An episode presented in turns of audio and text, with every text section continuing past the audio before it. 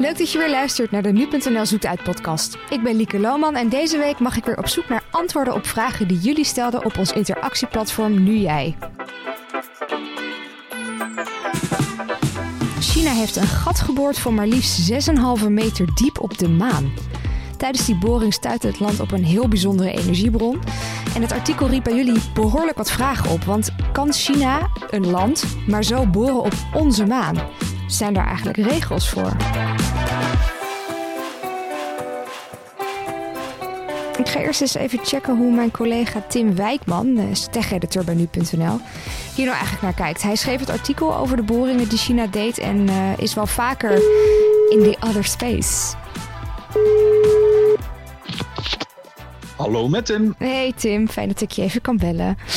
Hey, ik um, vertelde net dat China dus een uh, bijzondere vondst heeft gedaan op de maan. Wat kun jij vertellen over die boring die ze hebben gedaan? Uh, ze hebben tijdens die boring hebben ze twee dingen ontdekt. Op de eerste plaats een uh, nieuw mineraal. Mm -hmm. uh, waarvan het bestaan nog niet bekend was. En dat is voor China zelf heel belangrijk, want daarmee voegen ze zichzelf in het rijtje toe uh, van uh, de Verenigde Staten en Rusland. Ze zijn het derde land ter wereld dat op de maan dus een materiaal ontdekt wat we nog niet kennen. En de tweede ontdekking die ze hebben gedaan is de aanwezigheid van helium-3. En dat is uh, ja, een stofje wat heel belangrijk is voor uh, kernfusie. En kernfusie wordt ook wel de energiebron van de toekomst genoemd.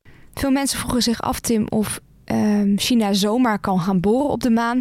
En ik vroeg me ook af, weet jij of dat dan vaak gebeurt? Nou, maanmissies zijn ongelooflijk duur. Het is ook echt een prestigeproject. Dus als dat plaatsvindt, dan wordt dat ook in alle media wordt dat uitgemeten. Je ziet dat met de Verenigde Staten, je ziet dat met Rusland, uh, nu ook met China. Het is eigenlijk een wedloop. Hm. Dus als iemand naar de maan toe gaat en daar gaat boren, ja, dan weet iedereen dat wel. Okay. Het is dus niet zo dat dat dagelijks gebeurt. Dit is echt wel een unieke missie. Okay. Maar op basis van wat ze nu hebben gevonden, gaat China dus nu wel weer drie extra missies naar de maan sturen om dus nog meer van die boringen te gaan doen. Nu sommige lezers ook het idee dat China met deze vondst en dat zo groot aankondigen de maan een beetje wil claimen. Heb jij een idee hoe dat zit, um, geopolitiek gezien, en of dat misschien iets is wat het land inderdaad wil? Hoe dat geopolitiek zit, durf ik niet te zeggen. Uh, iedereen die is momenteel met de maan bezig. Amerika die gaat binnenkort ook weer terug naar de maan met bemande missies. Ja, uh, de maan is gewoon een interessant onderzoeksobject. En ik denk dat het eerder vanuit onderzoeksperspectief momenteel is dan echt uh, de maan willen claimen.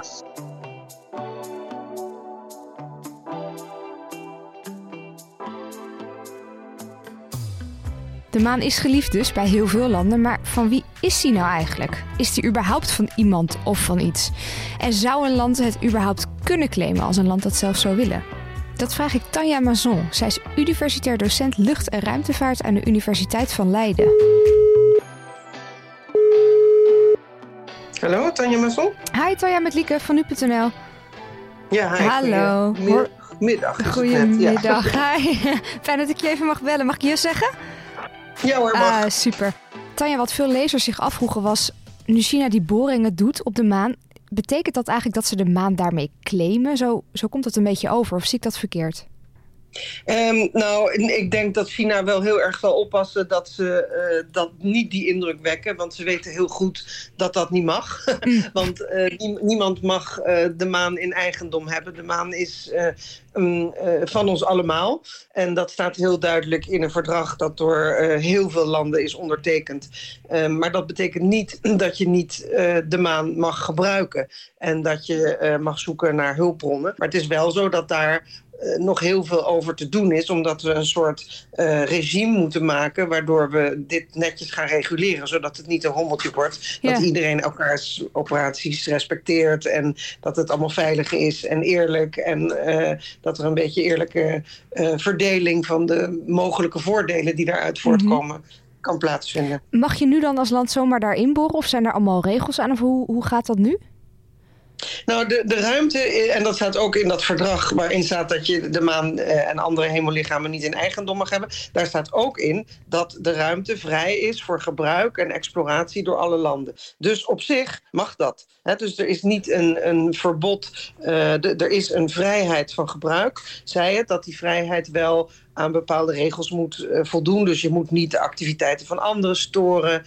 je moet netjes zorgen dat je geen schade aan het milieu veroorzaakt. En dat je niet, wat je dan noemt in het Engels, harmful interference veroorzaakt met de activiteiten van anderen. Ja. Dus het is niet zo dat je zomaar alles mag doen, maar in principe mag dit wat ze doen. Ja, mag. Moet je dan zeg maar, moet je daar een land voor zijn om dan te mogen boren? Of mag ik dat ook doen als ik het zou kunnen? Nee, jij mag dat niet zomaar doen. Uh, en wat, wat natuurlijk nu uh, gaande is, is dat er veel bedrijven zijn die dit willen doen. Ja. dus het, de, het begin van de ruimtevaart waren vooral de twee superpowers, hè, Amerika en de Sovjet-Unie. Toen werden het een heleboel meer landen. Nu zijn het ook private ondernemingen. Dus hmm. niet staten als actoren, maar ook privépartijen. Uh, en die moeten wederom volgens dat verdrag de toestemming hebben. En daar moet toezicht op hun activiteiten worden uitgeoefend door hun nationale staat. Dus een privépersoon of een bedrijf mag zeker niet zomaar naar de maan gaan en daar een raket lanceren en gaan boren. Die moet een vergunning hebben van het land uh, waar die bij hoort. En mag je dan ook uh, moet je dan goed kunnen onderbouwen wat je daar wil halen of zo? Of is het gewoon, dat, daar gaat een land dus eigenlijk zelf over? Daar gaat een land eigenlijk zelf over. Kijk, als een land op een gegeven moment zegt... ik ga een kernwapen op de maan neerzetten, dan, dan, neerzetten... dan mag dat niet, want dat is dan volgens het verdrag verboden. Okay. dus als je, als je iets doet wat schade kan toebrengen... dan zullen landen daartegen protesteren. Maar het blijft natuurlijk wel zo dat landen soeverein zijn... en uh, dat het op zich best wel moeilijk is om daartegen in actie te komen. Aan de andere kant weet je, is het wel zo dat er een soort evenwicht is. Landen hebben afspraken gemaakt die ze allemaal in principe ook bereid zijn om na te leven. Hè? Hmm. Dus je gaat er wel van uit dat dat internationale recht wordt, uh, wordt nageleefd. En, en dus op zich, in principe werkt dat prima. Um, Zijn maar niet gedoetjes geweest of zo dat China vindt dat Rusland te vaak gaat of zo of andersom? Nee, het is wel zo dat er protest komt, bijvoorbeeld als er een antisatellietwapen wordt gelanceerd. Hè? Dat is een beetje de tendens van de laatste tien jaar. Wat China ook heeft gedaan in Rusland uh, twee jaar geleden, drie jaar geleden.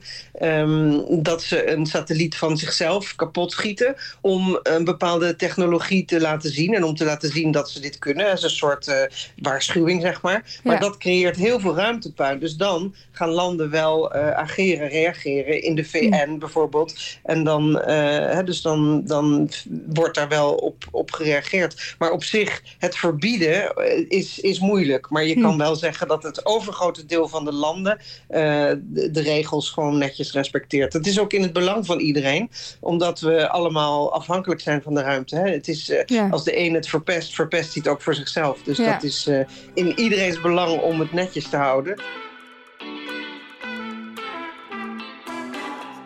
De maan is een mega interessante onderzoeksplek. En China zal ook in de komende jaren nog heel veel onderzoek daar gaan doen. Net als andere landen trouwens.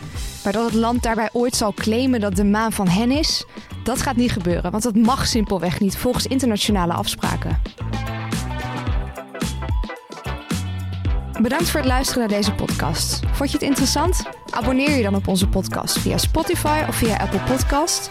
Dan krijg je elke week een melding van een nieuwe aflevering.